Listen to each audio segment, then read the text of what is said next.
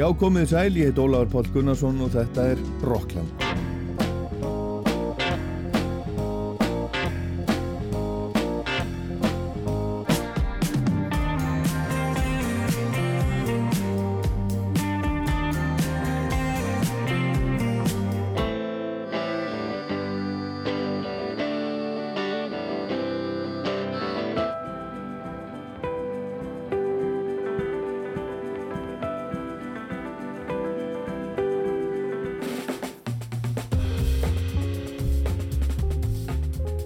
Hálfur öll árið 1971 fyrir 50 áru síðan kom út plata með hljómsveitinni Mánar frá Selfossi. Mánar voru á þessum tíma einn vinsalasta hljómsveit landsins, spilaði á böllum um all land og reyndar víðar og allstað var fullt hús og Mánar spiluði það sem þeim dætt í hug. Alls konar músik sem myndi líkast til ekki þýða fyrir hljómsveitir að spila á böllum í dag.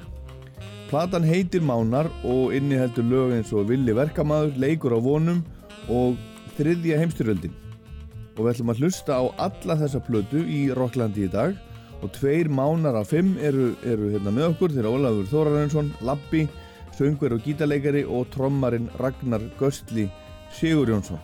Velkomnir. Takk fyrir. Takk fyrir. Herðu, kveikjana að þessu, flugan sem ég fekk í höfuð að, að fá okkur hérna í Rocklandi í dag var að ég var að lesa bókina sem þú skrifaði Lappi og, og kom út núna fyrir jólinn, mána, mánabókin Já, já Byrjum aðeins þar hvernig, uh, hvernig kom hún til? Já, hún kom út aldrei til út af því að hérna, mér fannst vanta þessar upplýsingar sem ég gef á henni í gagvart sunnveskum sveitaböllum og Já. reyndar mánum líka því að svona, allt sem hefur verið svona rætt um bæði hljónsveitina og eins sveitaböllin að það fannst mér vanta verulega upp á að, að svona upplýsingarna kemur til skila sko. Maður er búin að heyra svona ímislegt bæði lesa í bókum og, og sjá sjónvarsþættur og svona. Og ég hef nú svona talaði um að ganni að það var einhver sjónvarsþáttur hérna og þá var svona látið í veri vaka skítamúr allir fundið upp sveitaböllin sko eða svona leitt svolítið svolítið Já, það var svolítið, svolítið blóma tími sveitaballa þá en, en það er náttúrulega, það er fólk sko sem er yngra heldur og, og, og, og hérna þið náttúrulega þekki söguna miklu lengra heldur það. Já, já, og svo er þetta spurning með sko hvað er, hvað er rétt og hvað er ránt, hvað er sannleikur? Hvað, hvað er sannleikur Já, já, það er alltaf stór spurning sko. en allavega þekkti ég sagt, ég er að gefa mína hlið því og það sem ég hef upplifað og séð. Þannig að það er náttúrulega, ég er ekki að segja þetta sé það eina rétta en, en, nei, nei. en ég vildi bara koma þess á framfæri. Því að ég hafði, held að það var alveg vantað inn í flórunna sko. Já, já, já, já þarna var náttúrulega bara verið að taka fyrir þessi, þessi bönd sem voru þarna já, í, í kringum 2000 Allt í lagi með það, ég er ekkit að, að setja út á þau og þetta er skemmtilegu þáttur Já, já, mjög skemmtilegt. og er aðeins fyrir? Já, mér náttúrulega kannski bætaði við sko að, að náttúrulega sveitabölinni þarna á þessum tíma að þarna var ég búin að vera sko alveg hvað, tveimur árum áður en að ég fer í mána. Var ég búin að vera þarna með að Dumbo og Steina náttúrulega já, já. um hverja helgi og, og jáfnvel þið spiluðu nú með okkur. Já, já, heldum saman og, og heldum með þessar sama bar sko þannig að tveimur árum áður að þá hefum við komið þarna austur keira allan blessaði kvarfjörðin og allt. Já, já. komandi heim sex á mótana sko. Já. Ég vil svona bara bæta þessu við síðan, síðan fer ég þenni mána eftir að það æfintir er búið. Við komum þessu öllu hérna til en bókin er, bókin er skemmtileg. Ég hafði mjög, mjög gaman að lesa hana og, og, og hló, hló ofta upp átt það er ímyndilegt skemmtilegt það en við ætlum að hlusta á, á gömlu plötun ykkar, mánaplötuna frá 1971 og, og uh, byrjum bara á henni, við skulum byrja að heyra fyrsta lagi, hún byrjar á miklu hipparokki, líf þitt lag eftir, eftir Gumma Ben og, og smára bassalegara, við skulum, skulum heyra það. Endilega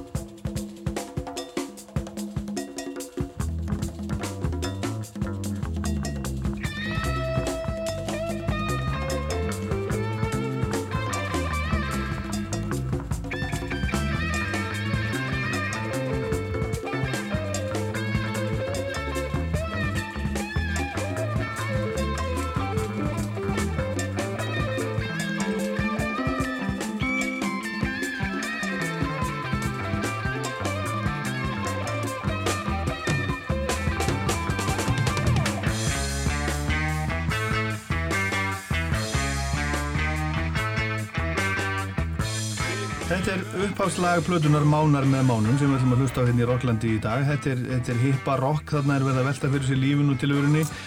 Hver er, hver er Ómar Haldásson sem á hérna sex texta á þessari plötu? Hann er rittöfundur á Selfossi og hérna, þarna var hann ekki nema 17-18 ára þegar hann var að gera þessa texta fyrir okkur. Já. Og ég er einlega hálf spældur yfir því hvaða hefur lítið verið tekið eftir honum sem svona ungu textaskáldi, hann semur þarna texta sem er eins og að væri kannski bara lífsreindur maður Já. að semja sko Já, já. og á þarna mjög góða, góða texta þannig að en hann gerði þarna fyrir okkur texta og hefur gerst Já. fleiri texta fyrir okkur En, en okkur sömduðu ekki textana sjálfur? Já, ég til dæmis var ekki, ekki byrjaði neitt á því þarna að semja texta sko Nei. nánast ekkert En þú gerir það í dag og, og, og hefur gert... Já, já, ég svo er ég fann að gera það núna sko se- sem lögin getna með um leið og textan sko þannig Já, að já.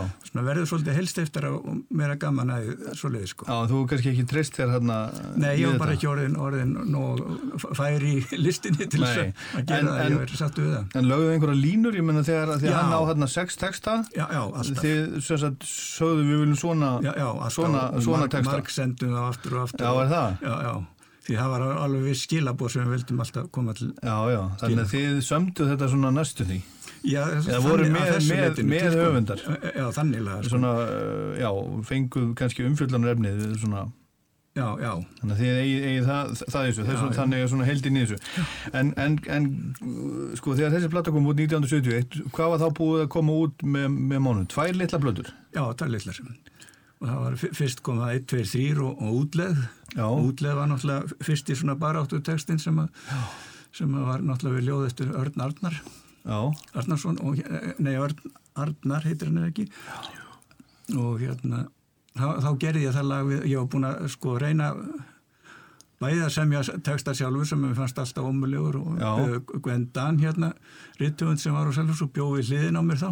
Já, fá hann til þess að semja Og- texta og, og það virkaði nú ekki, hann fjall ekki nógu vel að, og var reynda mjög skrítin, ég er hann makki músikant, munið þið eftir mér enn sömu kalla mig fíbl og fant farsælar konur og menn, forsjálar já, já, gítarinn minn góði, grétnum er í hljóði já. Þetta er á fyrst, fyrstu blöðinu. Nei, já, þetta sko sandi hann Já. en það var, nei, við Það fengum var ekki notað. Já, já, já, þú manst þetta bara ennþá. Já, já. já, já.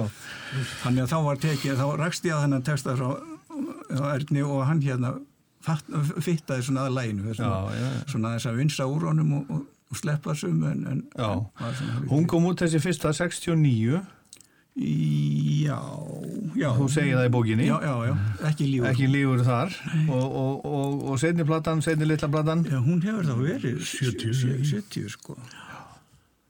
hvaða lögur þar?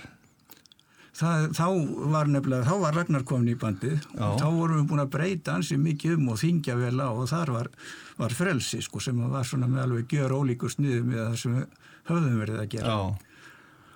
Mi- mikið hippa þar. Já, já, mikið fra, frasa rock og svona bara, já, svona Já, í fingri já, kantanum, sko, svona, kannski ekki beint tippa heldur meira svona í, í, í rock.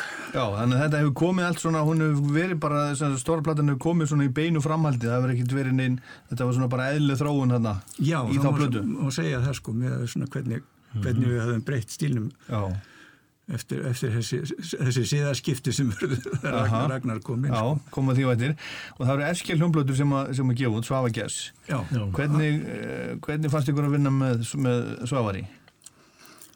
Það var nú svona allur gangur á því en hann alltaf kom þessu útkallin og svo leiðis og Já, Já, já, hann svo sem, það var náttúrulega svona eitt svolítið galli við það að þegar við hérna vorum búin að klára þessa, þessa plötu, stóru plötuna, að mann ég eftir því að þá vorum við í Rosenberg stúdíónu og hann hérna í Kaupanöfn og hann upptökumæður að hann svona, þegar við sögum honum hvað ætti að pressa plötuna þá neyð hann svona niður á borðið Já, er það?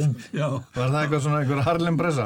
já, þetta var í Nera í Norri Nera í Nóri sem að, sem að náttúrulega Svavar eh, var búin að vesla við sko, Aha. með allir sínum plötum og, og það var ekki nokkulega að fá kallin til að breyta þessu sko. þetta var ódýrast þarna sko. Það var ódýrust. En fyrst kostar hann í sko utanlandsferð fyrir eitthvað með, með alla græjur og Jú, dýr jú, stúdjó og svo er það að pressa í restina í nera þannig að þetta var mjög svona öfug En hann hefur kannski, ég menna, þegar maður hlustar á þessar gömlu eski plötur, hljómaður ekki ágætlega bara? Er þetta ekki alltaf, var Jú, þetta já, er- er ekkit slæmt hann sko, Nei, en nei. það er svona, er, þetta er ekki sko svona besta pressan sem að, Nei, nei. maður sá á Freddi hérna, hann, hann, hann, hann, hann vildi gera þetta sko í Sísjálandi Já, já, en Svavar hefur fengið svolítið svona, sko, uh, við unnum svolítið, svolítið saman hérna Jóru, þannig ég, ég kentist honum svolítið og, og ég kunni afskaplega vel við hann og, hérna, og hann kendi mér alveg svakalega margt Já, ég mitt, já, í, í, í útvarsmennsku og hérna, en svona sagan, uh, svona hans arleðir einhvern veginn, hún hefur, uh, hún er ekkit voða glæslega, hann fikk ekkit, fikk ekki góða útreið í síningunum Elli Viljáms nei, reyndar ekki og, og svo hefur Bubbi ekki talað fallega um hann hann tók náttúrulega upp íspjarnablúsin í tóntekni sem að Svavar átti og þeir, þeir hérna, svindluð á honum og gáði ekki upp nema þriðja hvernig upptöku tíma og eitthvað svona. Þannig að hann er svona hann, er, Já, já. hann, hann hefur ekkit alltaf gott orð á sér blessaða gallin í dag. En, en, svona, en ykkur hefur líka ágætlega við að vinna með honum. Já, þa- þannig laga sko, hann var bráð skemmtilegur og fyndinn kallinn og virkilega gaman að öllu leit og, og þetta stóðst allt saman uh, að því leitinu til að þetta kom allt út og svoleiðis en, en við höfum aldrei til þess að ekki eina einustu krónu. Nei, er Ekki það að- ekki bara þrjár, þrjár blötur og... er það ekki bara gamla sagan Jú, jú, jú. menn fá lagað. aldrei neitt fyrir Nei, nei, það er nú bara svoleiðis. Þetta er rosalega skrítin bransi. já, já. Það er mjög, mjög skrítinn sko. En hérna ég bara mann eftir því að náttúrulega hann, hann kallaði mig þarna til að spila inn á Köllumari og, og einhverja fleiri svona Já. hlutur mann ég.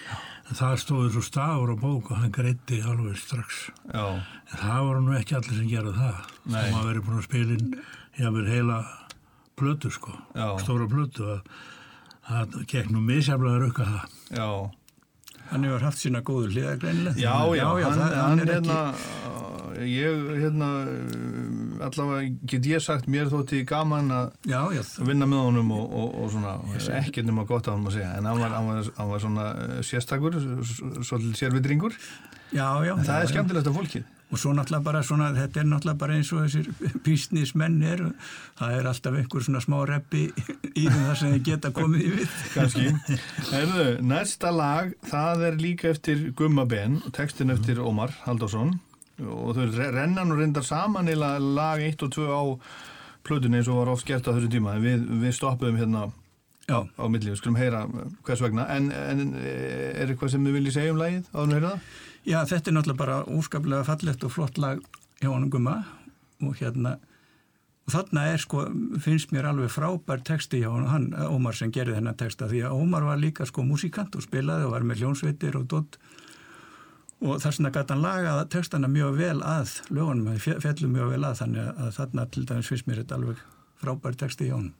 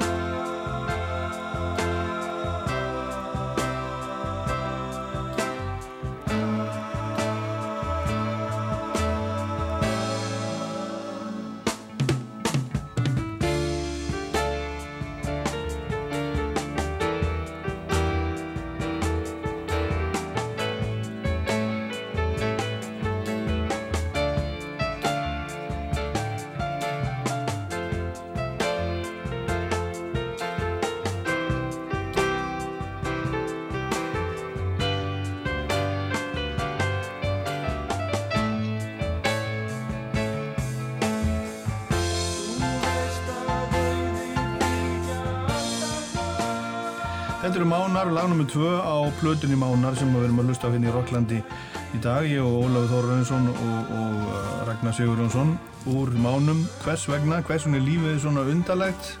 Syngur þú? Nei, Nei, nei, eh, Guðmundur þe- syngur þetta sjálfur. gummi. Já, Hann já. syngur þetta, syngur Já, þetta. bæði, voru- bæði fyrstu lögin sko. Já, þið voru náttúrulega svo fjölhæfur með, með tvo söngvar eða fleiri. Já, sungu náttúrulega bæði Bassi og Raggi röddu og svoleiðis og Ra- Já. Raggi á böllum og svona, þá var sér ekki á plötunni en þá vorum við með hansi þéttan og fínan raddvegg sko Er Raggi, Raggi góður rattari? Ra Raggi fýtirattari og svöng reyndar söm lögin mjög vel sko Já. og hann hafði svona, hefur svolítið sérstakar rödd sko en það hendaði mjög vel Söng var ekki hann Let it be sem hún söngst Jú, jú. Jú, það var og trommaðir? Já, já. Já, Er það var létt með það bildin Já. Gerði ekki mikið að því en... en, en hendaði hann mjög vel og var bara Það er nú ekki allir trommara sem geta sungið. Nei, alls ekki sko alls ekki Já. Já. Það var... Það er þarna, Óli Bakk náttúrulega var mjög sterkur í þessu E, Já, og Ari, hérna, í Já. sem mann þetta nú eitthvað í hug. Já, já, þetta er þetta. er- Herðu, en, og Phil Collins já, já, Phil Collins. Herðu, förum aðeins í hérna upp á mána. Þa, það var mikil breyting hérna frá því þið byrjuðu til 1971 þegar þessi plata uh, kom út. Hérna, förum að- aðeins í það, hérna, hvernig hljómsveitin var eh, til og, og þróaði svona fyrstu árin. Já, það, það, þetta náttúrulega byrjaði á, á 65, 1965 sem sagt á, á landsmóti á lögavatni Þá ert þú bara þryggja ára eða hvað? Já, já, ég var svona rétt ég var að verða fjór Já, þá var maður sko fimm- 15 ára já, og hérna og ég gummi, gummi 14 og ég 15 og já. Og, og mánar verða til þá strax. Já, já, þetta var sem sagt upp, við stopnum þetta upp úr bimbótríjónu sem, sem var svona forveri mánana sko sem við gummi vorum með Aha. við vorum þarna samstíga alveg fyrstu, fyrstu árin mhm, og svo var þetta svona alveg og þá fengum við Óla Bakk og hann hafi spilað í hljómsveit Limbo, þetta var Limbo og Bimbo sem voru já, já. Og voru Og svolítið- Limbo, Bimbo og Dumbo. já, já, allt þetta. Þannig að, hérna uh, þetta svona hérna hvað ætlaði ég að segja, þú rugglaði mig. Nei, nei, þetta er svona spratt upp úr, upp úr þessum teim hljómsveitum sko. Nema Stefán Áskrinsson var fyrst frændi minn á, á bassa með okkur í mánum og, og þarna sem sagt listum við Óskar Guðmundsson sem var svona með frumkvöðlum í sveitabölunum Já, já, af, hann, hann var svona aðalhljómsveitin í, í tjaldi sem var þarna. Já, og við sem sagt skiptum kvöldinu með honum og spilum þarna í, í miðbyggið. En þið byrjið, eh, þið byrjið ekki sem svona, eh, svona, svona, svona sjátásband, ekki?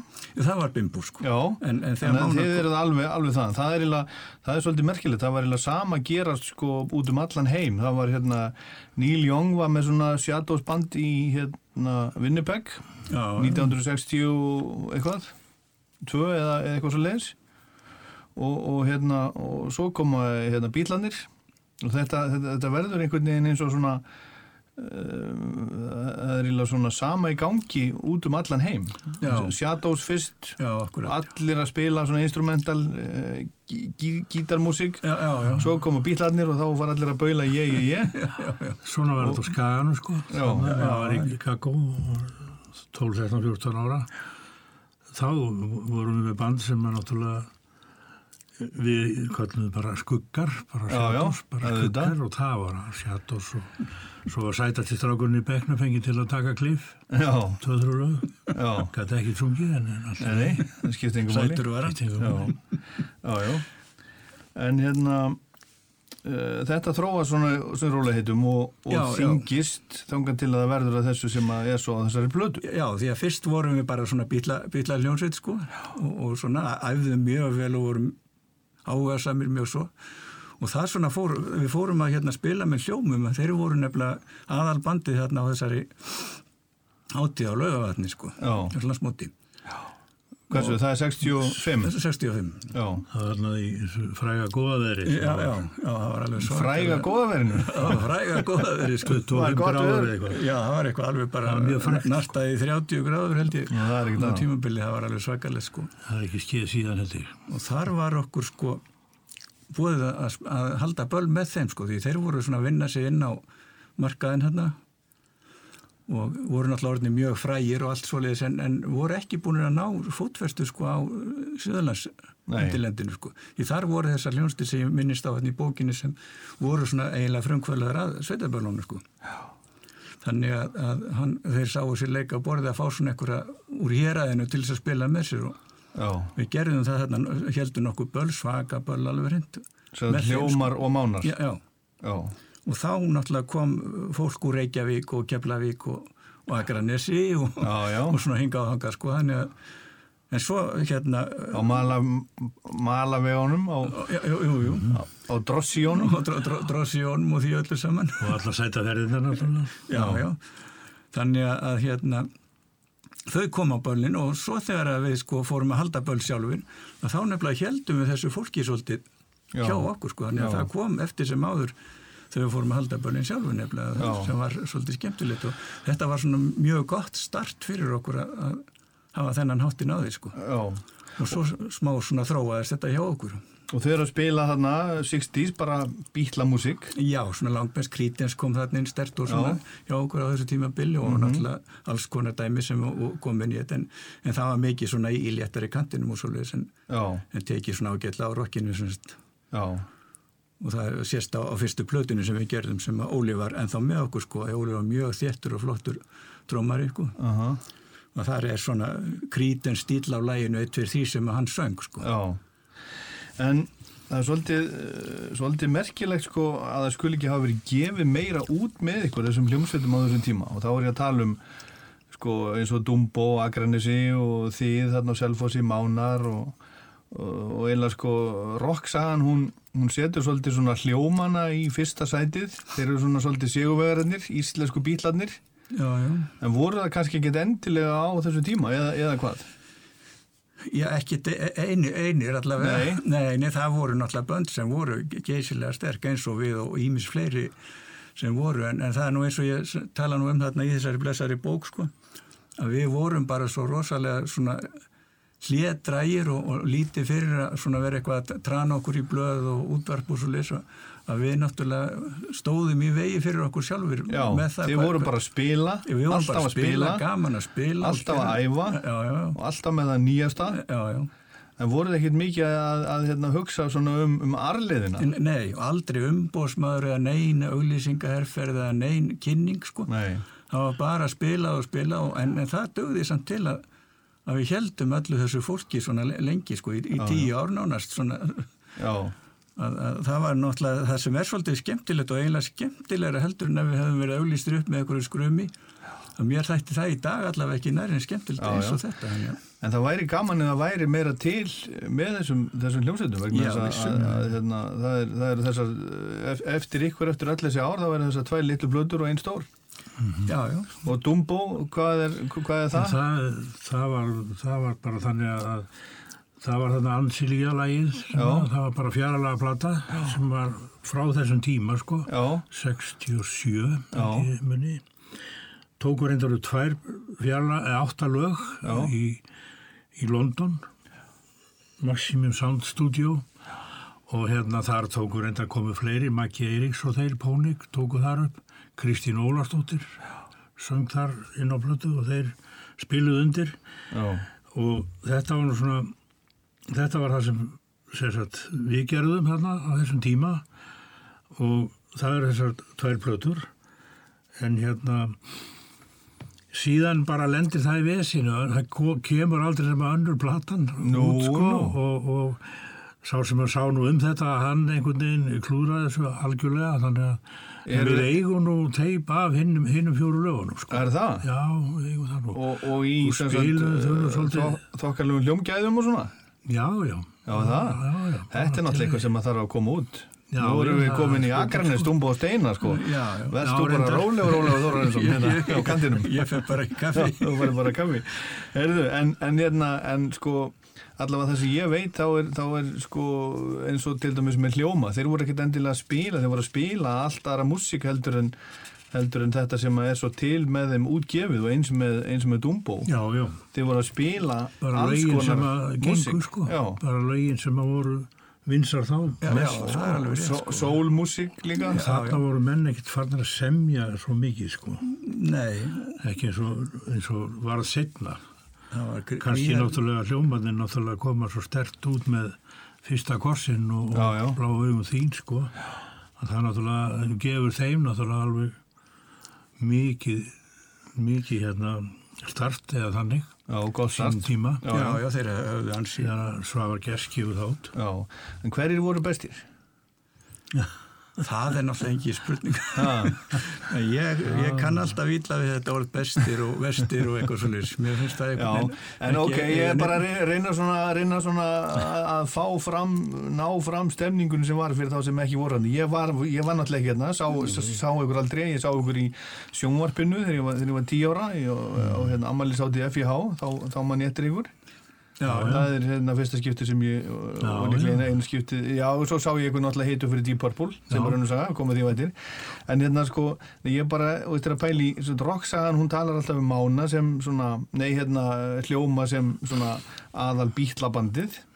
En litu þið á ykkur, þú veist litu þið á þá sem einhvern veginn besta bandið lituð upp til hljóma eða, eða, lituð á það bara sem, sem jöfningja Já, þannig laga en við litum upp til þeirra alveg reyndi þetta er náttúrulega eins og Gunni Þórðar og svona menna þetta er náttúrulega gríðarlega flottir og flottir kallar og eru svona algjöru topp menn þannig að maður leit upp til þeirra þýleitinu til en, en kannski endilega svona það sem þeir voru að gera kannski að maður kannski var ekkit ekkit ofsalega hrifin af því og var ekkit kannski á þeirri línu sem að við vorum. Þannig að það er nefnilega máli þegar við erum að tala um vestur og bestur og þetta allt saman. Að þetta er náttúrulega bæðismeksadriði og svo er kannski hafa böndin kannski þetta band, band hefur þennan styrkleika og rosalega gott. Man, hvað var ægilega gaman að hlusta á Dumbo til dæmis. Þegar voru með saxafónana og spiluðu solmúsikin, maður fór í glömbæ og hlustaði á það alveg, alveg frosinn yfir því hvað þið voru flottir og rækki náttúrulega hann, hann heitlaði mann alltaf þegar hann var var svo spes. Svona, og svona hafði bara hvert band eitthvað, eitthvað við sig og svo var bara spurning hvað þú mast, metur mest, mest af því sem að hvert band hefur sko. já, Já, og svo var náttúrulega hljómanir voru svona, hún er mannaskipti þar sko.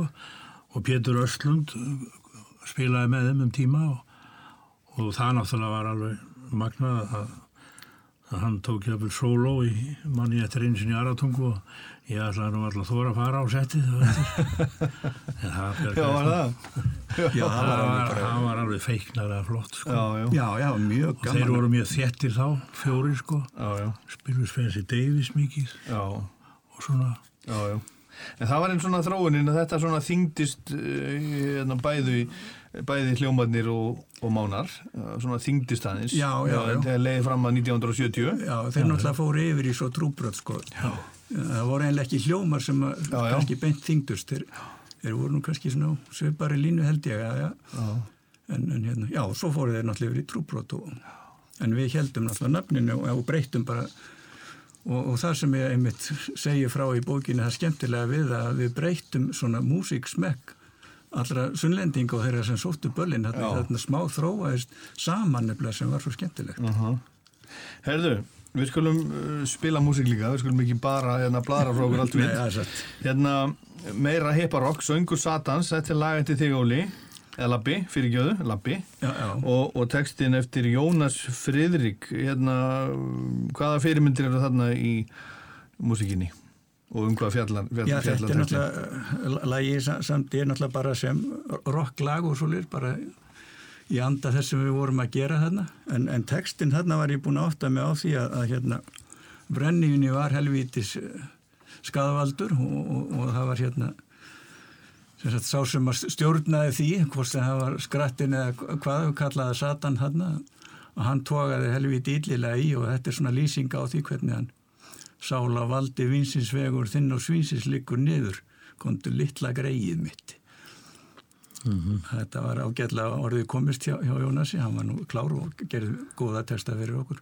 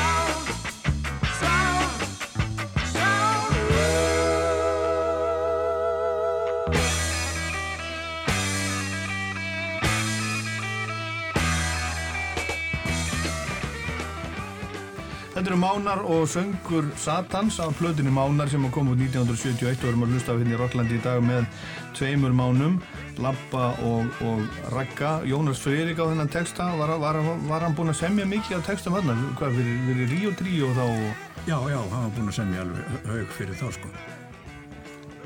Þannig að, að hérna, það lág svona svolítið beint við að hann var svona aðal, aðal texta kallin á þessum tíma, má segja sko. Já, og hann tók, hefur, hefur tekið vil í það að, að vinna með mánum? Já, já, hann var, var, og var búinn að gera fyrir okkur texta áður á, á hérna, setni litlu plötun okkar sko, aðleitn í ókunnu landi. Já, já, Og ég manna, hann var hérna, ég var svona, hef alltaf svona verið, vilja hafa svona balluður já, og, og baðum svona einhvern ástarteksta þetta lag og hann var ekki hrifin af því og fannst þetta ekki Þetta lag? Já, nei, alveg njókunu landi Já, já, já, já. Já, já, hérna hann var ekki rifin að því. nei, hann var ekki En- hrifin af því en, en, en gerði það samt og gerði ágætist teksta sem að þetta var geysi vissall lag og, En hvernig, hvernig tók hann í að þið var, var að leggja línur vegna þess að Gunni Þórðar saði einhvern tíma að sögu að því sko þegar hann samti texta fyrir hann og Gunni vildi breyta einhver einu orðið eða eitthvað svona og þá hafa hann sagt við hann og Gunni hefur orðað þetta svona, svona ofinbelli, hann sagði þessi text er eftir mig en ekki þig helvítis holmvikingurðin já, hann let mann hafa það alveg óþegið Já. já, bara gaman á hann sko. En það kom nú ekkit mikil rifrildi, en, en það var svona En þið hafið svona lagt, lagt, lagt línur þarna líka, Já, jú, jú, það var alltaf svona, svona smá uppskrift en, en, en hann tók vel í þetta allt saman. Já. En að plötunni, hvað voru þið að hlusta á á þessum tíma? Eins og þetta lag sem var að enda hérna, Söngu Satas, þetta er bara svona hálfgert heavy metal, Já, þungarokk. já, já við, við hlustuðum mikið á náttúrulega Purple og, og Zeppelin og þarna og fleiri náttúrulega Já, já, það var Emerson Lake og Palmer og, Já, já, við vorum nefnilega þetta náði ansi víða músikin sem við vorum að, að hlusta á, sko. Pretty Things mann ég vorum einu sinni, The Gun hérna. Já, þetta lag hérna, hérna Söngu Satas, minnir mig mitt svolítið á hérna Race with the Já, Devils. já, já, það er nefnilega, ég veit nú ekki hvort það var uh, smitun frá því, sko, en, en já, já, þetta er svona aðeins í þá áttina, sko. Við vorum með það í mitt manni, sko. Já, það. Já, já. Þannig að það gæti verið, sko, en við hlustuðum á allan fjandan. já, já, og Raggi til dæmis sko, þegar hann kom inn í bandið þá kom hann með gríðarlega mikið plötusafn, hann var ægilegu pælari sko. Og þá svona vikaði, eða f- fór þetta í þessa áttina og var mikið og var svo gaman sko að við vorum einhvern veginn alveg á sömu pælingunum. Og, og ég segi einmitt svolítið frá því að það, þessar pælingar sem við vissum ekki alveg hvernig þær voru raunverulega hjá okkur en við vildum stefna í einhver átt sem sagt og þegar Raggi kom inn að þá bara já það var þetta sem við, við ætluðum að gera Þannig að þið voru með bara svona ákveðnar fyrirmyndir, svona þið vildu vera lag- staðsetja ykkur á ákveðnu stað. Já, svona mótaðar í höstum þó við getum eiginlega ekki útskýrta beint sjálfur sko. En, en við vorum að leita að einhverju sko. það var svona, já, svona þingra rockið, svona al- Heep. al- Algjörlega og taktbreytingar og alls konar dótari sem við pældum í sko. Já. Herðu, þið eru tveir af fimm, fimm í bandinu. Við, hérna, við meðum ekki sleppa því að tala um, um hina sem voru þarna með ykkur.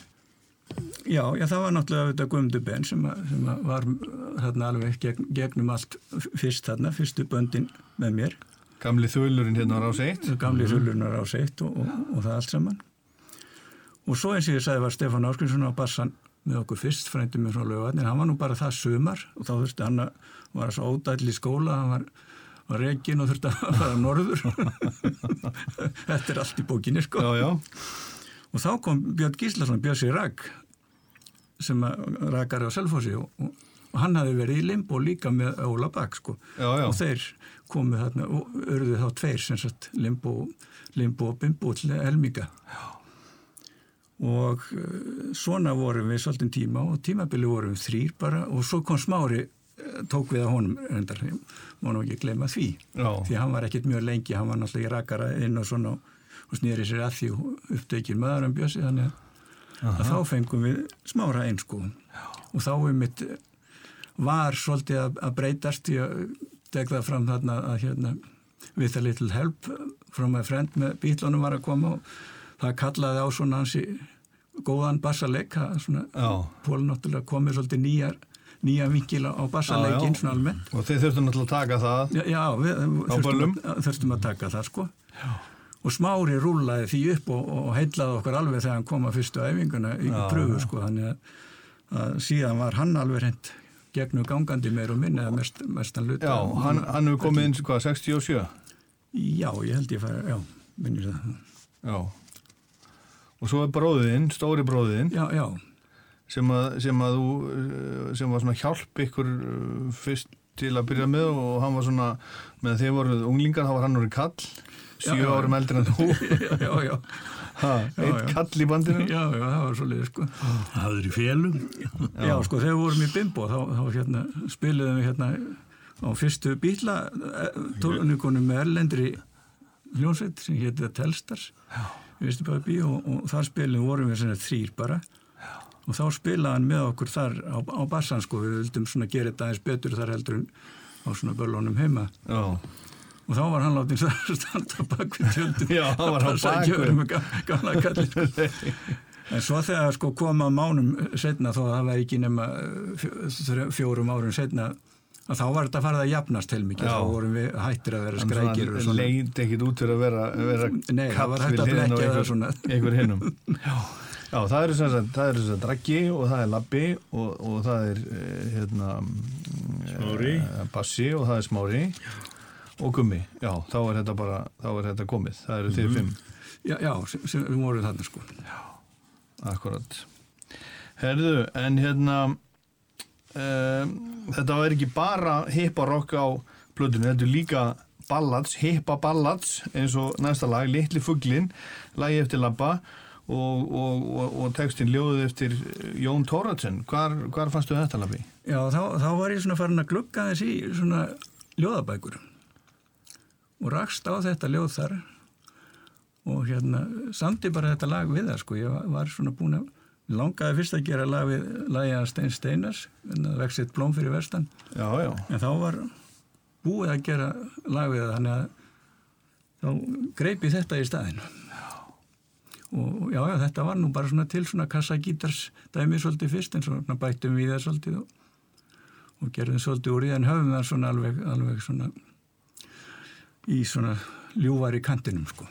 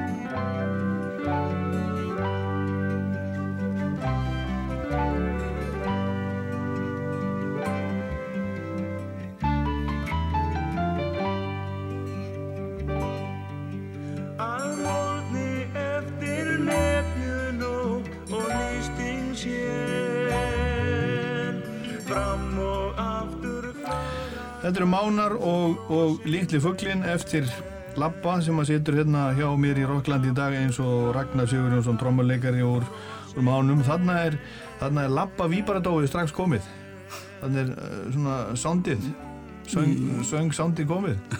Já, já, ég mótaðist svona tiltölulega snemma og hef ekkert breyst mikið að allavega segja fólk það það sé svona allt svipað hjá mér sko að já, stí- stíllinn kom fljótlega sko. Sami kallinn, sama er samar öllu sko Ykkur hefur, ef ykkur hefur ekki dottið í huga þarna á þessu tíma að syngja þetta á, á ennsku?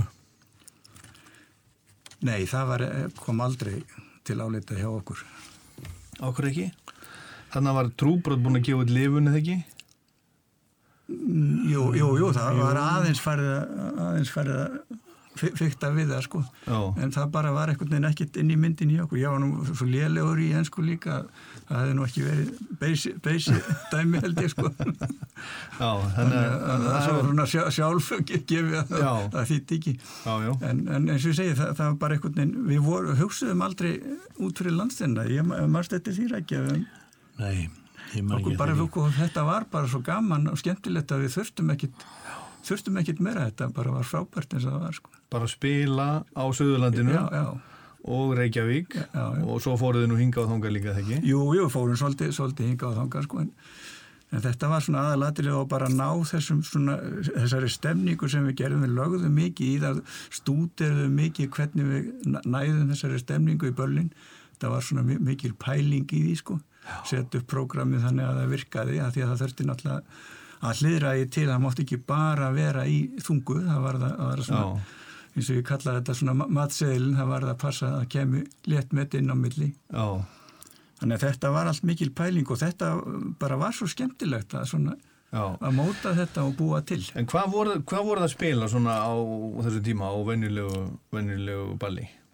Við byrjuðum nú oft sko, eða það var nú orðið svona hefði okkur að, að það var eiginlega sko, við spiluðum töl mikið Já, meðal annars og, og allt þetta sem var í gangi þá. já, það er nú ekki mikil dansmúsík. Nei, nei, til dæmis og þá gerðum við það yfir bara í byrjun. Já, Þannig voru börnin 10 til 2 sko og við spiluðum kannski alveg fyrsta hálftíman eða þrjúkorter og þá satt liði bara og hlustaði sko. já, já, Það var orðin svolítið svoleiði stemming þarna þó að við værum bara í félagseimilunum sko. Já, já, og, og, og hérna maður það að við til dæmis eins og þetta er náttúrulega bara við æfðum þykist að brygg alveg að hliðina eins og og gátum spila hana. Já, já, það var mjög gaman að því og, og maður sáð að það voru svona ýmsir svona farnir að koma. Og, og hérna og það sátu bara og hlustuði í róleitum Já. svo byrjaði ballin náttúrulega um leið og rúturnar komu nú yfirleitt alveg hreint í, í raunum sko já. alveg upp úr því Fullar af svo var bara peningum. tónlist mikið sko Fullar að segja. Já, já, já, hrundu, hrundi liðið út úr þeim og já, Já, já, já, þannig að þið, þið voru að spila, já, kannski byrjuðu á, á 12. já, svona, Spiluðu þið eh, ykkar eigin lög, lög líka? já, já Já, já, þau voru tekið inn, kom inn, inn á milli, sko. Já, Þannig að, hérna, við vorum þó ekkert mjög duglegi við, sko. Það var sa- sama linnkindin í okkur gagvart, gagvart því sem við vorum að gera sjálfur, sko. En sama, Þetta var, voru lög sem okkur, okkur leiðist ekkit að, sleppa, sko. en-. En þegar þið talið um þetta léttmeti sem þið buðuðu upp á inn á milli, hvað við að tala um þar? Sko það var nú kannski ekki, ekki beint, þetta var náttúrulega eins og easy living og svona dót með, með hérna Já, Júri að Já, hýp og svo leið sko mikið. þannig að en, En en svo það- var það- alveg farið, fórum við alveg neyri í alls konar bara svona og þá vorum við búin að endur útsetja lög svona svolítið sko alls konar reyndar, já. Já, svona, ha, mann eftir hérna hérna Lennon hérna. Strawberry Fields. Strawberry Fields. Já, já, já, útsettu það svolítið svona okkar veg svolítið já. svona þungt. Já, já. Mann hann vakti miklu aðtegli já, já. Já, þannig að þið voru ekkit endilega kópera lögin eins og þau, eins og þau voru. Nei, ekki svoleiðis lög sko. Ekki alltaf nei. Nei, en og svona þessi vinsalistu lög sem gengu náttúrulega var, var svona já bara spiluð svona eins og okkur fannst þannig að séð. Já, Já, já, það, það var, var og tókum til þess hraustir mennmanni við spilum þarna rattað á gítar. Já, já, og svona, svona þungslögið og alls konar fíneri já, já. og hitt og þetta svona og svo gátt gat alveg verið að við tækjum eitthvað skvetta falla hoss og hrist eða eitthvað í einhverju djók útsetningu sko og það var alveg svona skotið á hitt og þetta svona til þess að hafa gaman að þessu sko en, Já, en svona me megin uppist það var náttúrulega bara svona þungt og mjög vandað og dæmi. þúnt rock þungt rock sko Herðu, en voruð þið gætlir í vinnu á þessum, þessum árum líka? Ekki á þessum árum sem við erum að lýsa núna þá vorum við bara orðnir aðdunum Já, þið voru bara að spila þá.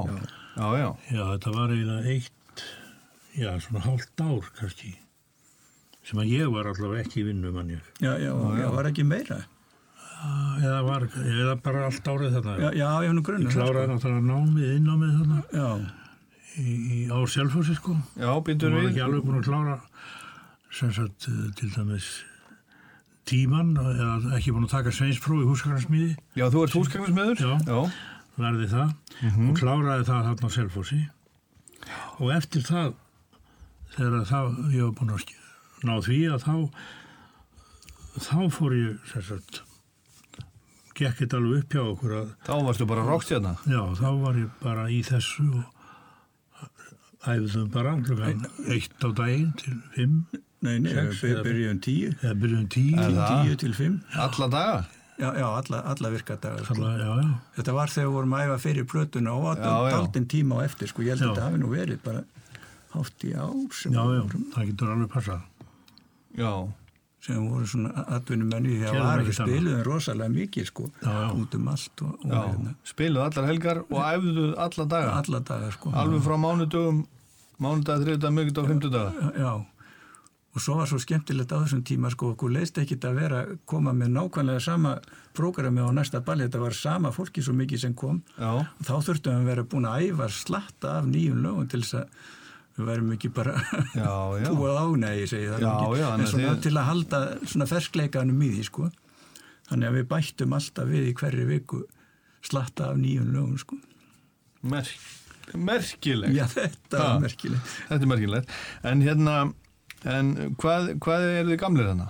Er þið ekki bara rétt, rétt rúmlega tvítvír? jú, jú, Jú. Ég, hvað, ég er 20 tekja, þryggja.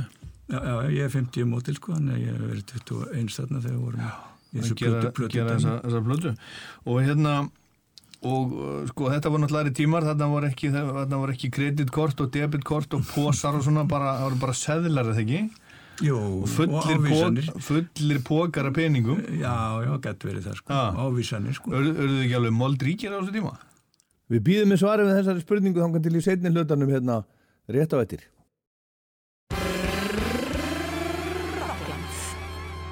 á Rástvö. Já, þetta er Rockland á Rástvö og gesti þáttarins eru tveir mánar frá Selfossi og við vorum stödd hérna þegar við kvöttum áðan. Örðu þið ekki alveg moldríkir á þessu tíma? Það klikkaði eitthvað í því en við Nú. importuðum alveg heilmikið af penningum Já, í hvað fór, fór allir öðrandi? það Þú, þú, þú byggðið nú einbílshús eða ekki? Jó, ég náði því nú að, að hérna koma því upp svona mestu liti Já, og smári byggði sér einbýlisús líka sko Já. en þetta fór nú út í við ég var nú balvaður djammari sko á þessum tímabil og fór nú ansi drjútt í, í svoleiðis mér sko. Já, í sjálft sig svona, fór sjá- í já. sjálft, sjálft sig. Það fór svolítið í sjálfsig sko. Herðu, já, já, já, já, það er eins og, eins og gengur, það er ekkert að vera, vera svekkið svo því í dag. Nei, er- Herðu, ég horf á brimið, það er loka lagið á alliðin, ekki sant? Jú, jú, já, passa. Lagið eftir Labba og, og textin eftir Ómar Haldursson. Hvað getið þið sagt okkur um, um þetta lag? Já, þetta samt ég nú í gömlu glórustofunni og þarna var ég svona í munni fyrstu sambúð, fyrsta barsmóði minn sem ég var þá að var með sko. Já, og það var eitthvað alltaf gleinaði sundur hjá okkur því að, því að hérna því að maður var náttúrulega eins og maður var og var ekki vænlegu kostur. Þú varst ekki vænlega kortur. fyrir ung, ungar mæður þannig að það var að- slitna allt í sundur og, og þó ég kunni nú eiginlega ekkert á píano og, og hérna, spila ekkert á það þá samt ég þetta frasan á það í því á píano mann ég satt við gamalt falskt píano í gömlu glóru og þar var þetta lag til sko. Og svona hugmyndin að textanu sem ég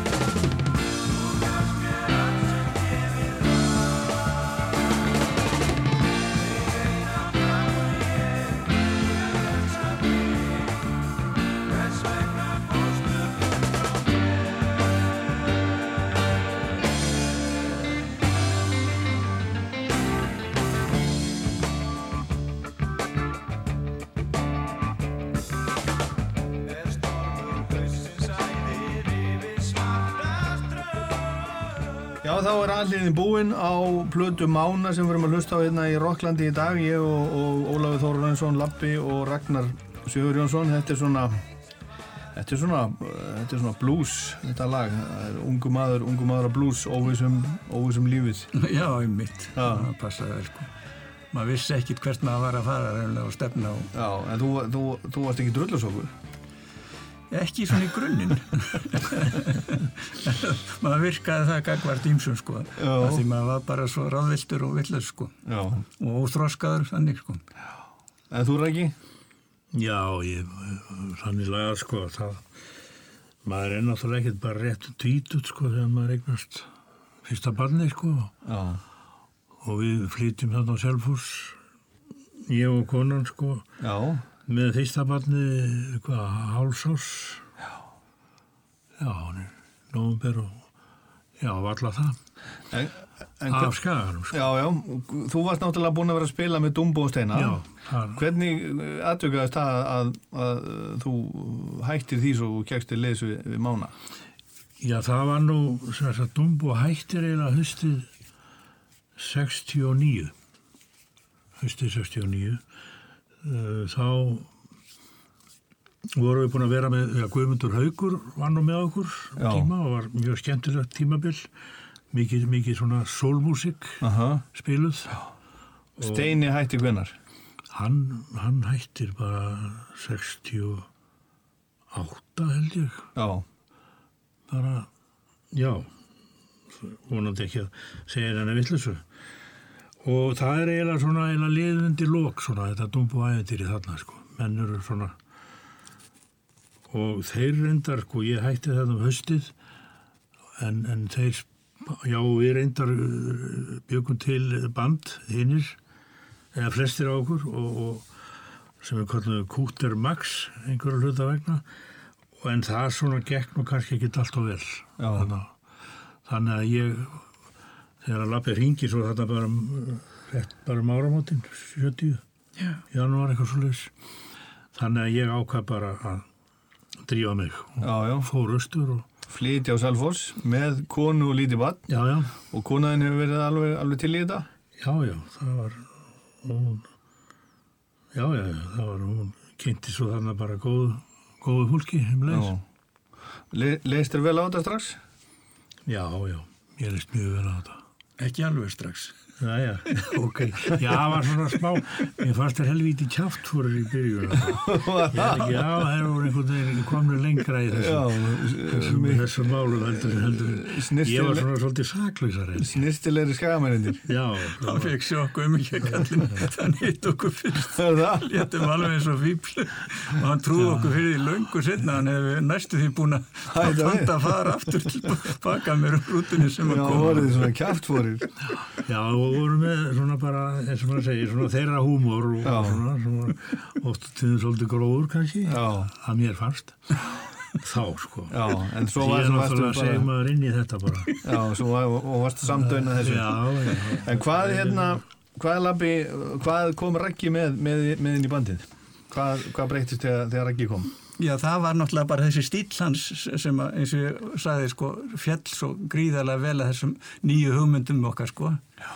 Og hann ja, breytti mjög miklu og það var svo skemmtilegt, sko, að hvernig hann og Smári, bassarleikari, sko, smullu saman bara eins og þeir hefðu aldrei gert annað en að, að spila saman og, og þeir náttúrulega sköpuðu þetta mána grúf sem kallað er að miklu leiti, sko. Já, Þannig að, að, að það var óskaplega skemmtilegt að fylgjast með því en það voru þeir, mættu þeir stundum sko miklu fyrir á æfingar, kannski klukkutíma fyrir og hefði þessi bara tveir saman já, já. voru alveg á fullu þegar við komum svo inn hinnir. Og hvað einkendi það, það grúf og svona hvaðan, hvaðan kom það? Já, þe- það er náttúrulega bara úr haustnum á þeim að miklu og þetta lögin sem við vorum að semja þau náttúrulega buðu upp á þetta eins og, eins og hérna, ég horfa á breymið og það er svona gott dæmi um þetta mána grúsvaldi sko og fyrsta, fyrsta skrefi var náttúrulega frelsi í þessu, þessu grúfi sem Já. má, heyra það mjög greinilega sko hvernig þeir negla sér saman smári og, og rækki sko þannig að, þetta var svona aðal breytingin á bandinu og þar alveg endur breytti svona stílinn óðurlega mikið í leiðinni sko Átt, einhvern, svona fyrirmyndar trommara? Já, já, þeir eru náttúrulega, jú, jú, maður náttúrulega var náttúrulega hrifin af Öslund og, og því Já, Svo man ég að ég sá náttúrulega Gunnar Jökul í fyrsta skipti með tónum í, í tónabæ eins og það hétt á. Og það var, var mjög, hann hafði mjög mikil áhrif á mig sko. Þannig að ég breytti þarna alveg, ég hefði bara hvernig maður held á kjöðunum sko. Það breyttist frá gamla hérna Já, sem alltaf hafi verið sko. Með kjöðan á frá þumli og, og, og niður á milli hérna. já, þá kvóldi maður hérna yfir sko já, já. og eins og hann spilaði og, og margir og margir náttúrulega voru færðar að gera þá Aha. þetta hefði mikið lóðhrafum og það er sérlega sá maður sem er sérlega mest áhrif á, trómlingin hjá mér sko Já, Gunnar Jökull já, já, ég myndi segja það sem átti svo setni eftir að spila með mann Já, já. já, já, En það er svo sniðut þegar Raki segja frá þessu sko að Gunni Jökull hafi verið fyrirmyndir að hann gerði ekkit eins og Gunni samt sko. Nei, nei. Hann held sínu stíl alveg en hefur bara fiskað upp tæknina og flottheitin úr Gu- Gunnar sko. mm Það er svolítið sniðut. Herðu, næsta lag, það er Leikur af vonum það er nú eitt af lögunum þínu lappi sem hefur lifað um, hvað lengst Já, svona, já. ég myndi svona tengja það að maður svona heyri þetta og maður heyri þetta, þetta er lappi hérna Jónas á, á textan lægið koma undan. Eða hvað? Já, já, já, ég var, búin að semja það sko og hérna og hann gerði sem sagt textan við sko. Þetta ég marg sagt og segi það enn að mér finnst þetta að vera eitt besti íslenski dægulega texti sem að bara ég hef nánast heyrt. Þetta er svo flott, finnst mér. Sami þetta fellur svo vel að öllu og, og alveg í andanum sem við erum að berjast gegn hatri og gr- grimmd og stríðum og, og svo leys þetta segir alla söguna. Og þá að nota lífi vel það er bara, það er bara einu sinni. Það ein, tilraun. Já, já, svo við vitum allavega. Skulum miða við það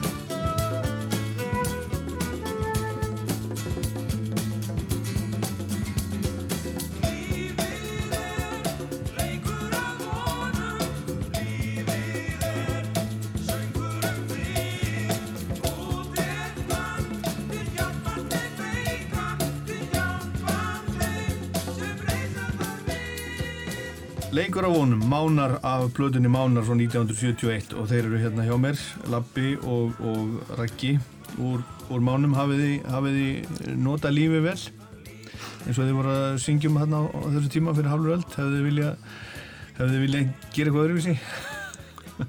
Nei, ég held nú ekki maður er kannski maður er kannski vilja þroskast aðeins fyrir svona í, í, í hérna svona í byrjun en, en, neini, neini það, er, það sér ekki eftir neinu. Jú, ég sé eftir ímsu og svo, svo leið sko en, en hérna en ég er einhvern veginn ekkit að velta mér upp úr því svona, ég bara horfa á þetta sem svona skóla Já, sem ég hef farið í og, ég bara gæti ekki gert betur að þessum tíma þróskin náðu ekki lengra hverjum tíma og bara vinna úr því svona eins og maður getur og, en uh, miða við allt og allt hvernig maður hagaði sér að þá getur maður verið mjög sáttur við útkomuna Já. í dag hvað fer í gegnum hugan þegar þið heyrið heyri þetta í dag? Þegar þið heyrið, hlusti á þessa, þessa, plötu. gamlu löginu Já, það er nú hjá, í mínum huga allavega er það bara sko ferskleikin og, og þarna vorum við sko, það var allt nýtt við vorum að búa til eitthvað sem bara kom alveg nýtt sko, það var ekkit endilega verið að stæla neitt eða svolítið að reynda að gera það ekki þó maður svona alltaf sé með áhrif undan frá einhverju sko en, en og, og svona, maður segir bara grettan í þessu sem að var í gangi það finnst mér skemmtilegast við þetta og áhugið náttúrulega alveg í botni sko. já, já algjörlega sko Já. Já, ég menna að það er, það er fátt skemmtilegar en að, en að vera í hljómsveit. Já, þegar svona andi er yfir því og Já, já. aldrei rifrild eða neitt og kom alltaf vel saman og þetta var svo fýtt mórall í öllu sko, þannig að Já, já. þetta var gríðarlega skemmtilegt bara. Og svo að standa upp á sviði, láta ljós sitt skína og láta svo klappa fyrir sér. Það verður ekki mikið betra heldur en það. Nei, nei, þetta er náttúrulega alltaf aðalega sko finnst mér að gaman sko, ég reyndar hef ekki svona síninga þarf, hún hefur aldrei verið í mér en, en þetta er svona að ná svona tökum á sal Já, og, og svona stýra dæmin og sjá að fólk er að fíla það og skemmta sér, það finnst mér alveg óskaplega góð tilvinning. já, já. Akkurat. Herðin Lappi, meðfram hljómsveitabröldinu þá uh, hérna lengi vel, þá varstu, þá varstu bondi. Já, já. Svínabondi eða ekki? Ég var fyrst með nautgripi Já. og svo var ég bæði með naut og svín að reyna svona, láta þetta standa undir sér því þetta var alltaf skýt tap á þessu öllu saman. Ah, fyrir allt í, sjálfsig. Fór allt í sjálft sig. Ég held þessu uppi með spilamennsku sko. Það? og þetta átti að taka við að henni sko. Já. En svo endaði nú með svínabú og engungu í restina sko. Þannig að þetta var alltaf mikil vinna fyrir einn kallræfil að sinna Já. þessu öllu. En hvernig, hvernig gekk þetta saman? Og, og hvaða tímabil er þetta? Það sem þú ert bæði að spila og, og ert svo bondi. Þetta var un- undir 80 sem að ég fór út í þetta sko. Flu- Flutti í glóra og byggði þarna allt upp og Já, glóra er þess að það sem að þú ert fættur valinu. Já, já, já. Þetta er svo að, þetta er svo að Þannig að ég flutti bara þangað og það var bara svona kottbúskapur þar fyrir sko en ég byggði allt upp og stærðarinnar íbúð og voða hugur í kallinu það þarf alltaf að vera svo mikið hjá mann alltaf Já, og íbúður og það var stúdíó inn í því og alla græjur sko svo að kalla beljublokkin sem ég byggði þarna, f- fjósið Já. og það sko þannig að Þannig að þetta var allt gríðilega stórt og svo lendi maður bara í að verðbólgan fór yfir 100% þarna fyrstu árin sko, þannig að það var nú ekki til að bæta ástandið. já. Þannig að þetta hefur svona getist upp. Já, já, þetta stóð eins og ég segi aldrei undir sér, ég var fleittið þessu raunverulega á spilamennskunni, það er bara engin líi sko. Já, Þannig að þetta var ekkert nema rugglið að gera þetta. Svona kannski það sem að maður svona aðeins getur svona byti, sem að særi mannsun í restina að hérna, að ef ég hefði ekkert verið farið út í hennar búskap, bara byggt mér húsið og stúdíóð og haldið áfram að spila, þá hefði þetta verið miklu auðveldar og betra líf já, sko. já, já. En hitt var skemmtilegt. Heitt var skemmtilegt. Já, já, gaman að veri, glíma veri við þetta heiskap og gefa svínum og fara svo upp á svið að spila, spila balli. fíla þetta í tætlur sko. Já, það er gott. Herðu, næsta lag, það eigið þið eh, Labbi og Jónas, Haustregn. Já, já, já. Þetta var svona, þarna, sko, var, var maður, ég kipti þarna flautuna fyrir ekkert mjög löngu síðan endar, þegar þetta var, þegar platan var gerð. Þörflötu. Já, þessvöldu, því að náttúrulega törlögjum voru þannig að þau náttúrulega byggjast á því þannig að þá fekk ég mig flötu og æfði mig á hana helviti vel þarna fyrst og náði svona grunntökum á því þannig að við gáttum farið í gegnum þessi törlög og svo leiðis og, og, og þetta er svona var svona sami út frá henni frasin fyrst var tekin á flötuna og, og þetta svo sem á, á, var bara svona eins og hvert annað lag sem ég, sem ég samti þannig sko. Og, ég held að Jónas hafi þess að stjórna þessum texta bara ég var ekki minn en að forskrifta því. Hann bara svona sem hann sá fyrir sér svolítið það nýrði lagið. Ég hef alltaf verið mjög hrifin að þessu lagi og, og, og útkomin að því.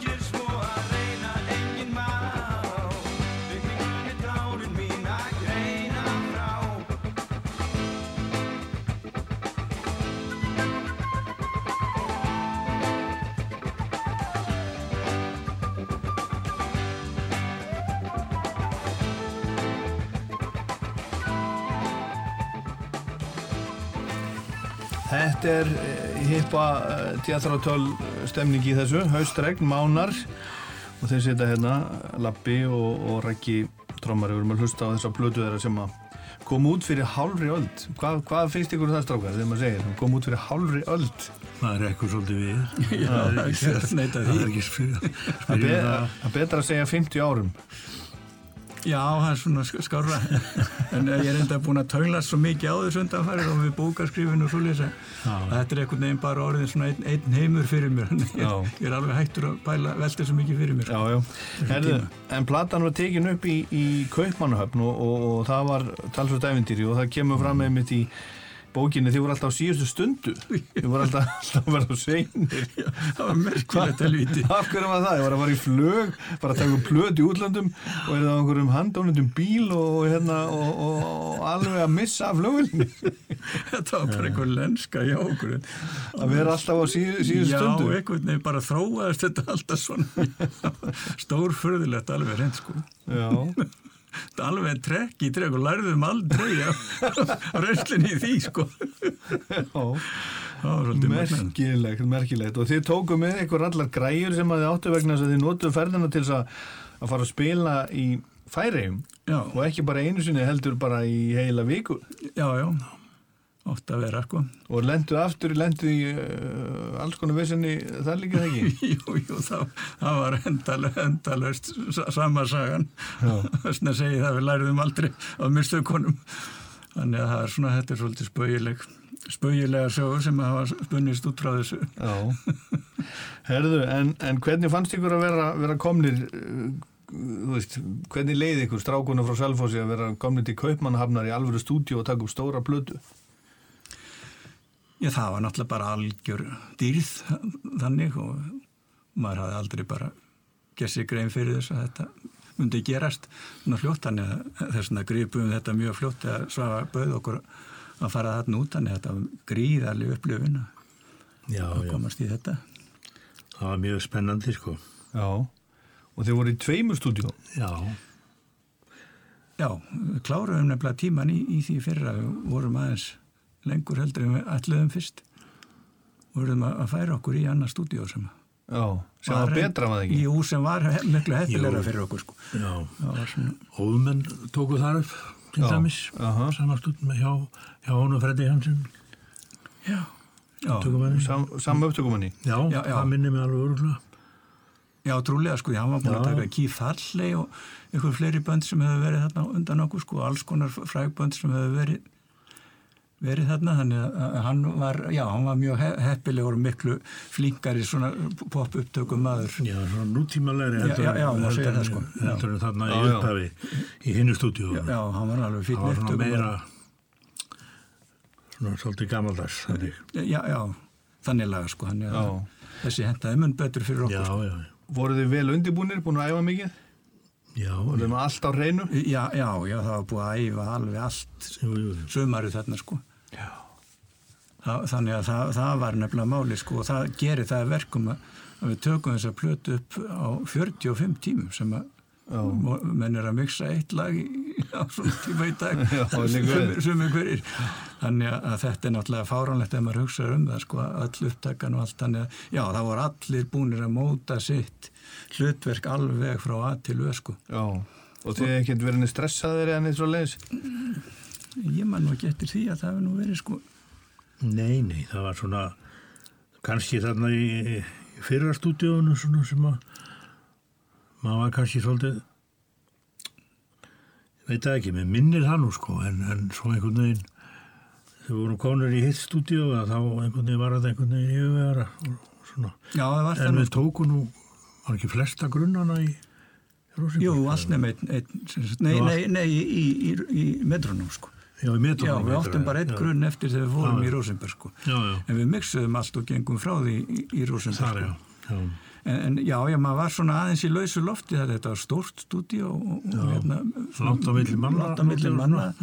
Svolítið sérstætt. Og svo var sko Gunni Þórðar, hann hérna, hjálpaði okkur við upptökuna. og- Já, hann var- hann var með ykkur. Okkur sko. Og hann var nefnilega ekki fyrsta daginn. Þannig að við vorum svona svolítið híkandi við allt sko, að því við treystum svolítið á að því hann hafi verið í, fínum stúdíum og, og vissi Þekkti það allt, sko. Já, Já. Þannig er að- náttúrulega alveg, algjöru sveitamenn já, alveg grænir sko. inn, sko. Hann let okkur henda fyrsta deginu bara það kom. Já, er það? Me- Að miklu leiti allavega. sko. Já, já. En hvað, hvað gerði hann nú þarna fyrir ykkur? Hvað á hann mikið í, í þe- þessar, þessar blötu, eða kominni? Já, hann ná náttúrulega talsvert í svona útkominu sem slíkri og svona, hann var nú aðalega að fá okkur til að einfalda hluti við svona gerðum, gerðum voru með þetta svona mjög flókið sko og hann let okkur fækka bassatrómuslögum og, og ímislegt og við svona, ég veit ekkit hvort að, að það var til bóta alltaf af því að það svona tók svolítið stílinn okkar af því í sömu tilfellum. En, en auðvitað svona í heildina var þetta náttúrulega mjög gott að hafa nú allt annað svona var var óskaplega gott og hann hjálpaði okkur að útsetja strengi í þetta og, og svoleiðis og, og hérna aðstofaði okkur bara við, við allt svona og rálaði okkur og svoleiðis því hann svona ráðundir yfir hverju, Já. má segja. Herðu, næsta lag er Villi Verkamaður. Ómar Haldursson á þann, þann texta. En hver er, hver er þessi Villi Verkamaður? Er þetta bara, bara uh, verkamaðurinn? Já, já, það er nú, er nú svolítið svoleiðis sko og það, það er þá bara sagt, horfðum við til verkamannana maður svona, ég sá svona mynd fram hann á dagskráni sem var gefin út á Selfossi. Og þar voru þarna svona tveir verkamenn með skóplu og haka. Já. og það satt alltaf í mér þessi mynd þegar ég var að, var að hérna, bað Ómar um að gera þennan. Hann gerði marga texta þessu. Og þetta er svolítið spes texti svona en, en hann lýsir ágætlega hvernig svona gangur, gangur mála er í þessu Já, á þessum tíma var náttúrulega eins og það líka þegar maður var strákur sko, þá var maður stundum hjá rafvitinu og skaganum og þá var maður nú með skópluna sko, hún í skurði. Jú, jú, svona sumarvinnu við, þekk, við þekkjum þetta við aðeins, já, já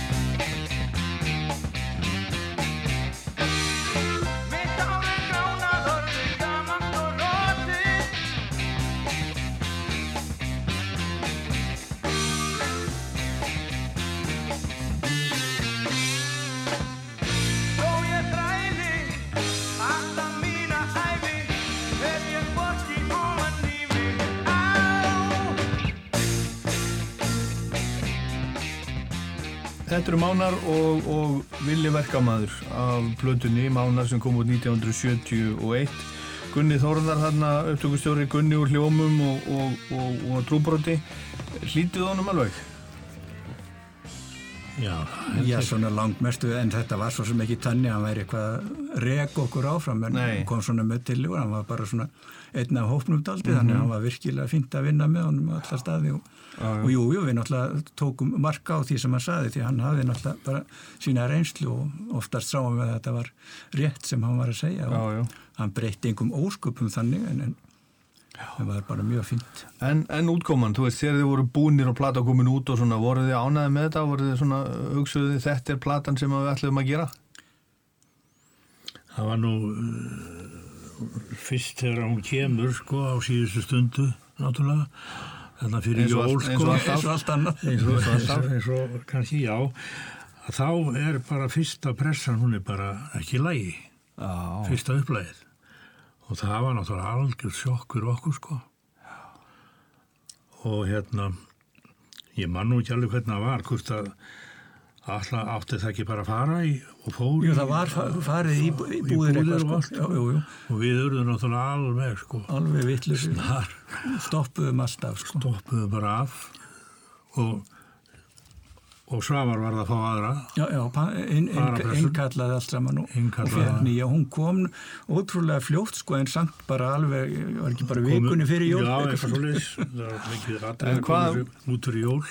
hvað var að þessari fyrstu pressu? hún var bara vestist verið svo grund skorin að hún bara skriplaði bara yfir jafnvel nálinn og, Nálin og bara bara ekkert sánd, það var alveg glattað svo grönt og, og, og, og það var aðeins sko. misjafna sko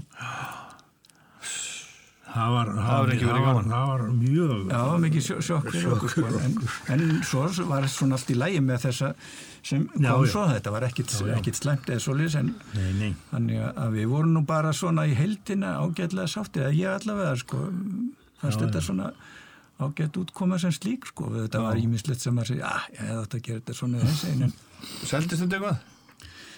Hún seldist ekkit mikið hérna fyrir jólin en en svona gegnum gangandi, eða semst, hún seldist svo áfram heil mikið Já, og hérna, nei, ekkit svona með það sem hún hefði þurft að gera held ég. En, en svo seldist hún upp fyrir rest og var komin á útsölu og, og núna held ég hún kosti 40.000 á eBay þannig að, já, já, þannig að hún er allavega hún er uppselt núna. Já, já. Herðu, næsta lag á Bassi, bróðuðin Labi, Já. orgarleikar, eina lagið hans á, á, á plötunni, heitir Sandkott. Já. Hvað, hvað er um það að segja? Já, ekki nema bara þetta er lag eftir Bassa, hann á mörg mjög flott lögkallinn og ég veit að þetta er upp á alls að margra af þessari plötu sko og þarna er mitt gerði Ómar texta sem ég finnst alveg virkilega góður hjá hann Ómar hinn ungi þannig að já, þetta er nú bara svona bundi lag sem að og Bassi fekk Guðmund til þess að syngja þetta fyrir sig hann, hann var ekki farin að syngja só, sóló á þessum tíma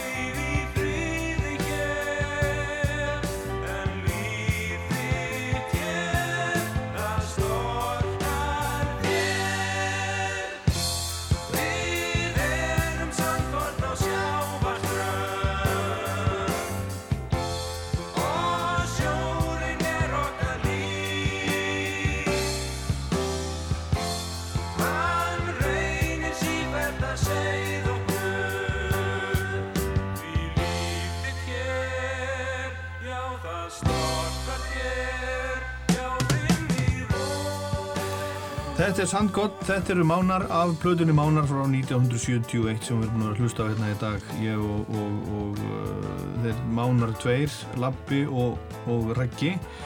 Og, uh, Lappi var að gefa út bók núna fyrir jólinn sem að heitir bara Ólafur Þorrainsson Mánar og saga sunnlenskar sveitaballa lappaði gegnum fyrirlinn og þar eh, kemur fram Lappi að þú hafur aldrei vilja vera hljómsveitastjóri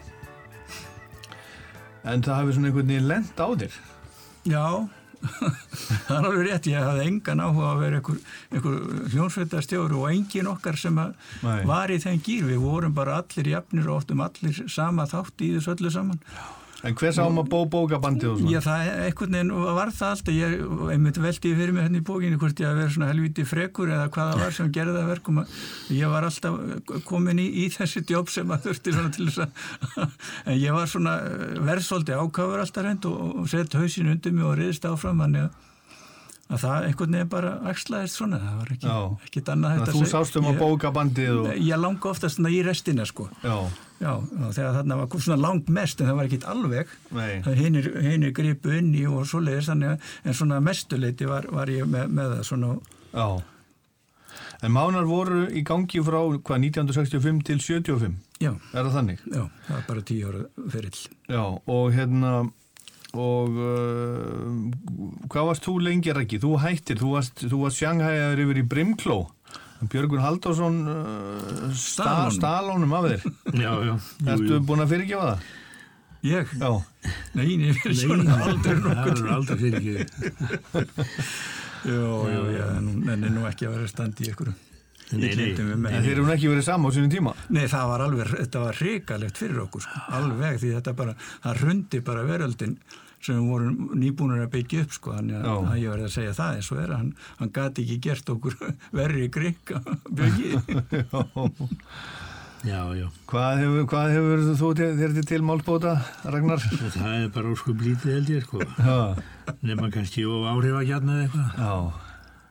Og líka skrítið náttúrulega eins og leiti að þeir voru í svona allt öðrum pælingum heldur en maður var búin að vera í, sko. Já.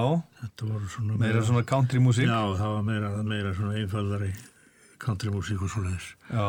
Ekki þetta flóknara rock. mér hefur alltaf fundist, þú, þú minnum alltaf Raggi, sko, þinn trommustýl á Jim Keltner. Já, ok. Svona, eh, sem er svona, getur spilað, spilað margt og eh, það er einhver svona, mér finnst vera einhver tenging Mm á milli ykkar og það er kannski, kannski brim, brimklóragi. Já, já, það er náttúrulega, ég kynist náttúrulega, já, já, þeirri, þeirri músík þar Já. og náttúrulega það er Kjellnir og, og fleiri góðir sem er svona, Já. höfðu áhrif á mann þar á eftir. Já, já. En hvað, svo, svo koma mánar saman aftur? Hvenar, Já, við heldum alveg áfram, sko. Já, þið hélduð vorum áfram eftir að hann hætti. Þétt, þétt bókaði þarna langt fram í tíman, sko, þannig að það var ekki tækt að að hætta eða stoppa eða neitt, sko, allt á fullu, Hver, hver kom þá inn? Það kom nú hann, gamli trommarinn okkar, hann Óli Bakk, hann var Já, já. gósin upp, hann bjóð í eigum sko og gósið hafi komið og hann hérna gætt stokkið inn í með okkur sko. Já, já, og svona brúaði svolítið tíma fyrir okkur þar. Já, og var bara skemmtilegt og gaman en bre- breyttist náttúrulega stílinn svolítið mikið við það en, en, en það var í sjálfu sér allt í lagi.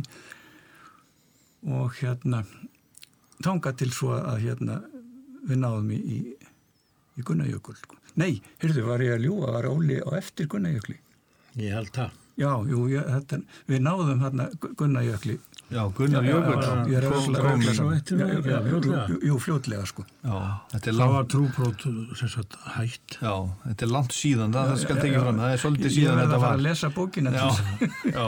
Ég þurfti að renna yfir hennar að ég kom Herðu, en hérna, já, þið hættið þarna svo 1975 og svo komið einhvern tíma saman aftur og svo var Björk einhvern tíman í, einhvern tíman í mánum líka. Björk Guðmundsdóttir. Já, já, það var svolítið niður sko. Ha, En Það, það var sko, hún reyndar kom fyrst sem sagt inn í kaktus sem við, við vorum búin að stopna þá. já, hvað ára það? Það var 8, 10 og 1 eða 2 sko. Já. 82 líklega, já. Já, þetta er bara erum- Rocky Reykjavík tíminn. Já, já, hún, hún var að spila í Tappa Tíkaras og þessu öllu Já, saman. hún var í því Já, samliða sko. og, og svo En svo með þetta þér band, Já, á sveitaböllum. já, já. já, og svo, hvað er það ekki, er það ekki 80 og, og fjögur, fimm, 83 held ég Sumarið. hefum verið sko þá þá hóaði ég eftir saman sem sagt og við krunguðum okkur saman Ragnar og, og Pálmi hafi verið með okkur í mánum hann líka Gunnarsson Gun- Gunnarsson Gunnarsson, já. Já, og Gummi Ben og svo ég og, og sagt, Björk ko- kom inn í það líka sagt, með okkur þarna og og það var eitt sumar sem við bara og við tókum bara upp mána nafnið aftur því að það var svona, hafði reynst okkur vel Já. og, og, og spiliðum hann eitt sumar svona skrambi, skemmtilegt og hvað var hún, Já. hvað var Björk að syngja með ykkur? hún söng bara allt sem Já, já. já, já, var ekki að með neina stælaði neitt, hún var bara setti sig bara inn í allt sem hún þurfti að gera og gerði þetta mjög vel og, og hérna hún var líka sko að spila á píanó líka með okkur. Og ég segi nú sögur að því hvernig hún hö- höndlaði hlutina sem var mjög skemmtilegt og gaman að segja frá því. Já, og hún var, hún var, hún var í sveitjáði líka. Já, já, hann þar alveg eins og fórskur sko í, sveitastörfunum merkilegt, merkileg kona. Já, hún er merkilega kona sko. Alveg mögnuð. alveg mögnuð. Herðu, næst síðasta lagið er næsta lag sem við heyrum, Instrumental, Preludia í Amol, hvaðan, uh, hvaðan kom það? Já, það var nú svona bara, sem sagt, þetta var líka tilheyrði flautunni svolítið, þetta er svona flautulag sem ég gerði þarna, sko. Og svona í klassískun stíl, þannig að, að, að hérna þessna kallar maður þetta nú preludíu. Já, En þarna á, á Gunni Þórðar, hann útsetti alla strengina og það í það og, og hérna var mjög skemmtilegt að fylgjast með upptökunum á því þarna því að Já. þetta var svona svolítið frumskref hjá honum í að svona skrifa nið, skrifa hann út úr og já, já, Svoleiðis, Ég held að hann hafi ekkert gert um að lesi stafru og tónfræðinar þegar þetta var hann er náttúrulega svona næmur og, en þeir svona klóruðu sér aldrei í husnum spil, þetta voru klassískir spilara sem voru fengnir úr einhverju symfóníu hljósetan í Danmörku. Og þeir svona ránkvöldu svolítið í sér augunum. En, en hann gætt komið þessu öllum til skila og já. En, hver, en hvernig var það? Sko, uh, núna undanfarnar áratvíi þá, þá hafa verið haldnar músiktilunir, þær eru fyrir tíma mána, byrja 1982 og, og þaðan kemur mikið af fólki, ungu fólki úr tónlistarskólanlansins. Uh, voru þið í tónlistarskólum? Nei, það var nú eiginlega ekki bóðið til dæmis þannig lagað á, á Akarnesi, sko. Ekki neitt, eh, ekki kennsla í sambandi við trommur en eitt þess að þar. Reynda að byrja, ég var í einhver tíma hjá hérna hérarslæknis frúnni á skaganum í píanotími mann ég.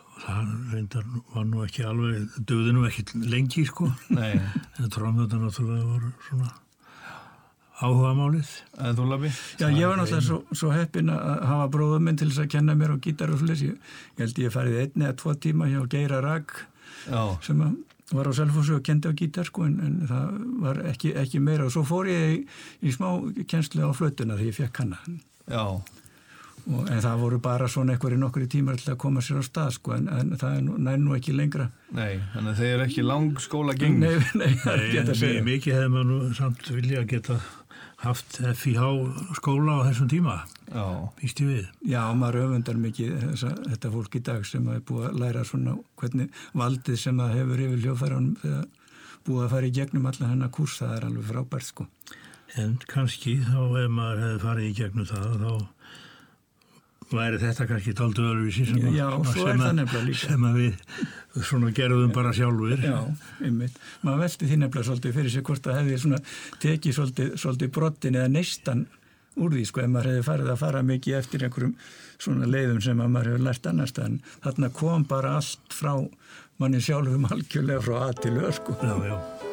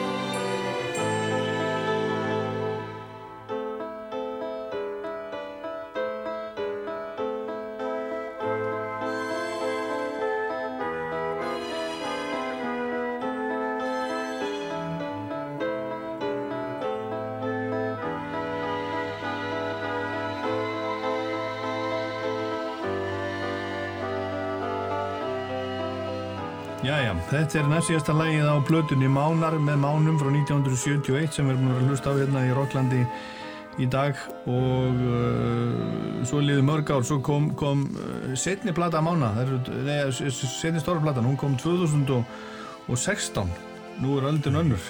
Eftir að við höfum hérna hittað upp hjá Förbúl Já, 2004 var ekki þá, já, Já.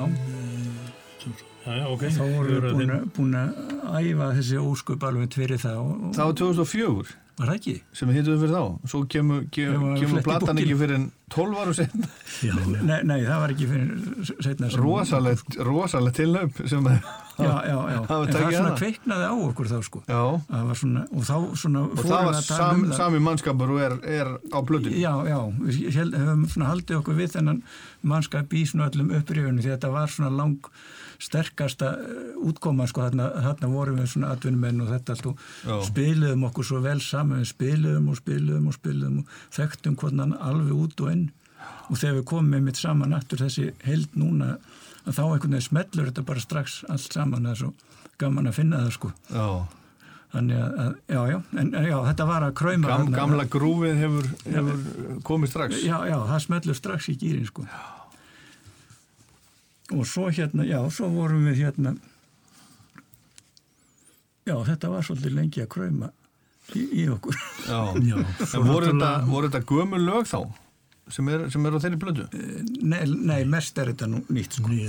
Me- Megni af því sem við söndum, en það var líka samt sko gömul en höfðu ekki komið út á. Já. Og jafnvel lög sem að höfðu átt að vera á, á gömlu plötin sem við ætlum að gefa Já, já. fram allt í. Og þetta náttúrulega kannski er líka þannig lappi komið með stúdíóið í hveragerði, sko. Já. Og Bassi, sonur hans.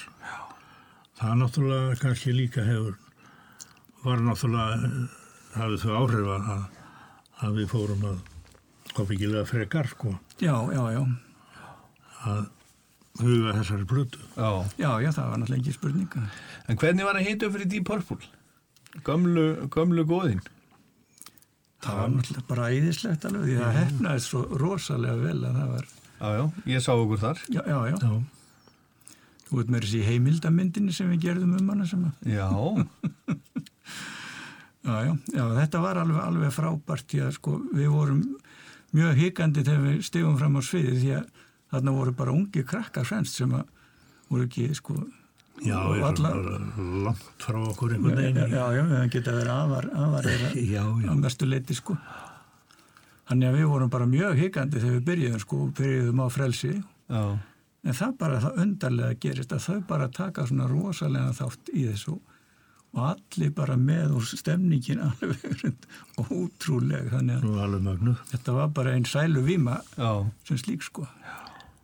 Og hefnaðist mjög vel báðir, báðir tónleikunni, Já, sko. ég mitt. já, þetta voru tvö kvöld. Það voru tvö kvöld. Já, Já, já. Hörru strákar, er, er eitthvað meira, er eitthvað meira framöndan hjá mánum? Ætla, ætla að spila eitthvað meira? Já, nú svona síður vonaði. Þetta er orðið svona ágætt sko ágættis enda punktur og maður er nú svona farin að gefa eftir á ymsum sviðum. Þannig að það er svolítið farið rokkið úr allavega útlitinu. Bara að safna hári? maður geti náttúrulega sa- safna nokkrum árum sko. Já, já, já, já. En það týðir ekki á haustum það er hægt að vaksa það er neinu ráði en það vex ímstæðar á ýmsum öðrum stöðum við förum ekkert nánar út í það eins og, eins og gengur.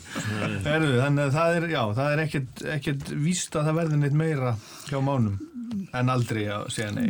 Maður á aldrei að segja aldrei sko en, en, svona það er allavega ekkert Ekkert planað. ekkert planað Nei. eins og er Herru, það er bara þriðja heimstyröldin, við endum á henni, ég við skulum nú vona að uh, heimurinn endi ekki á þriðju heimstyröldinni.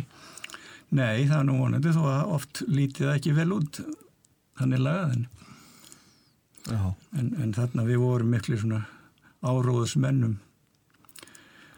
Gegn strí, stríði og stríðsrekstri, sko. öllum stríðsrekstri og fannst alveg nöðsynlegt að hafa það með í ádeilunni sem við Já. vildum hafa en við verðum að vona að þetta, verði það verði nú ekkit úr neinu svoleiðis. verði ekki Og Þið hefur verið hugsandi ungi menn og, og, og, Já, já. og, séð fyrir ykkur bara alls konar skjelvingar. Já, já, þannig þó við værum þessir villýsingar að þá hérna var þó þetta, blundaði þetta í okkur svona. Og þarna gerði Ómar í mitt hennan kjarnmikla texta við þetta. Ómar hinn ungi. Ómar hinn ungi Herðu, þeir eru líka síungir, Lappi og, og, og Raggi Mánar Takk hjálpa fyrir komuna í Rockland og takk fyrir, takk fyrir músikina Takk fyrir okkur og bókina, Lappi Já, takk, gælega Takk fyrir. Ég heit Ólaður Páll Gunnarsson. Takk fyrir að hlusta.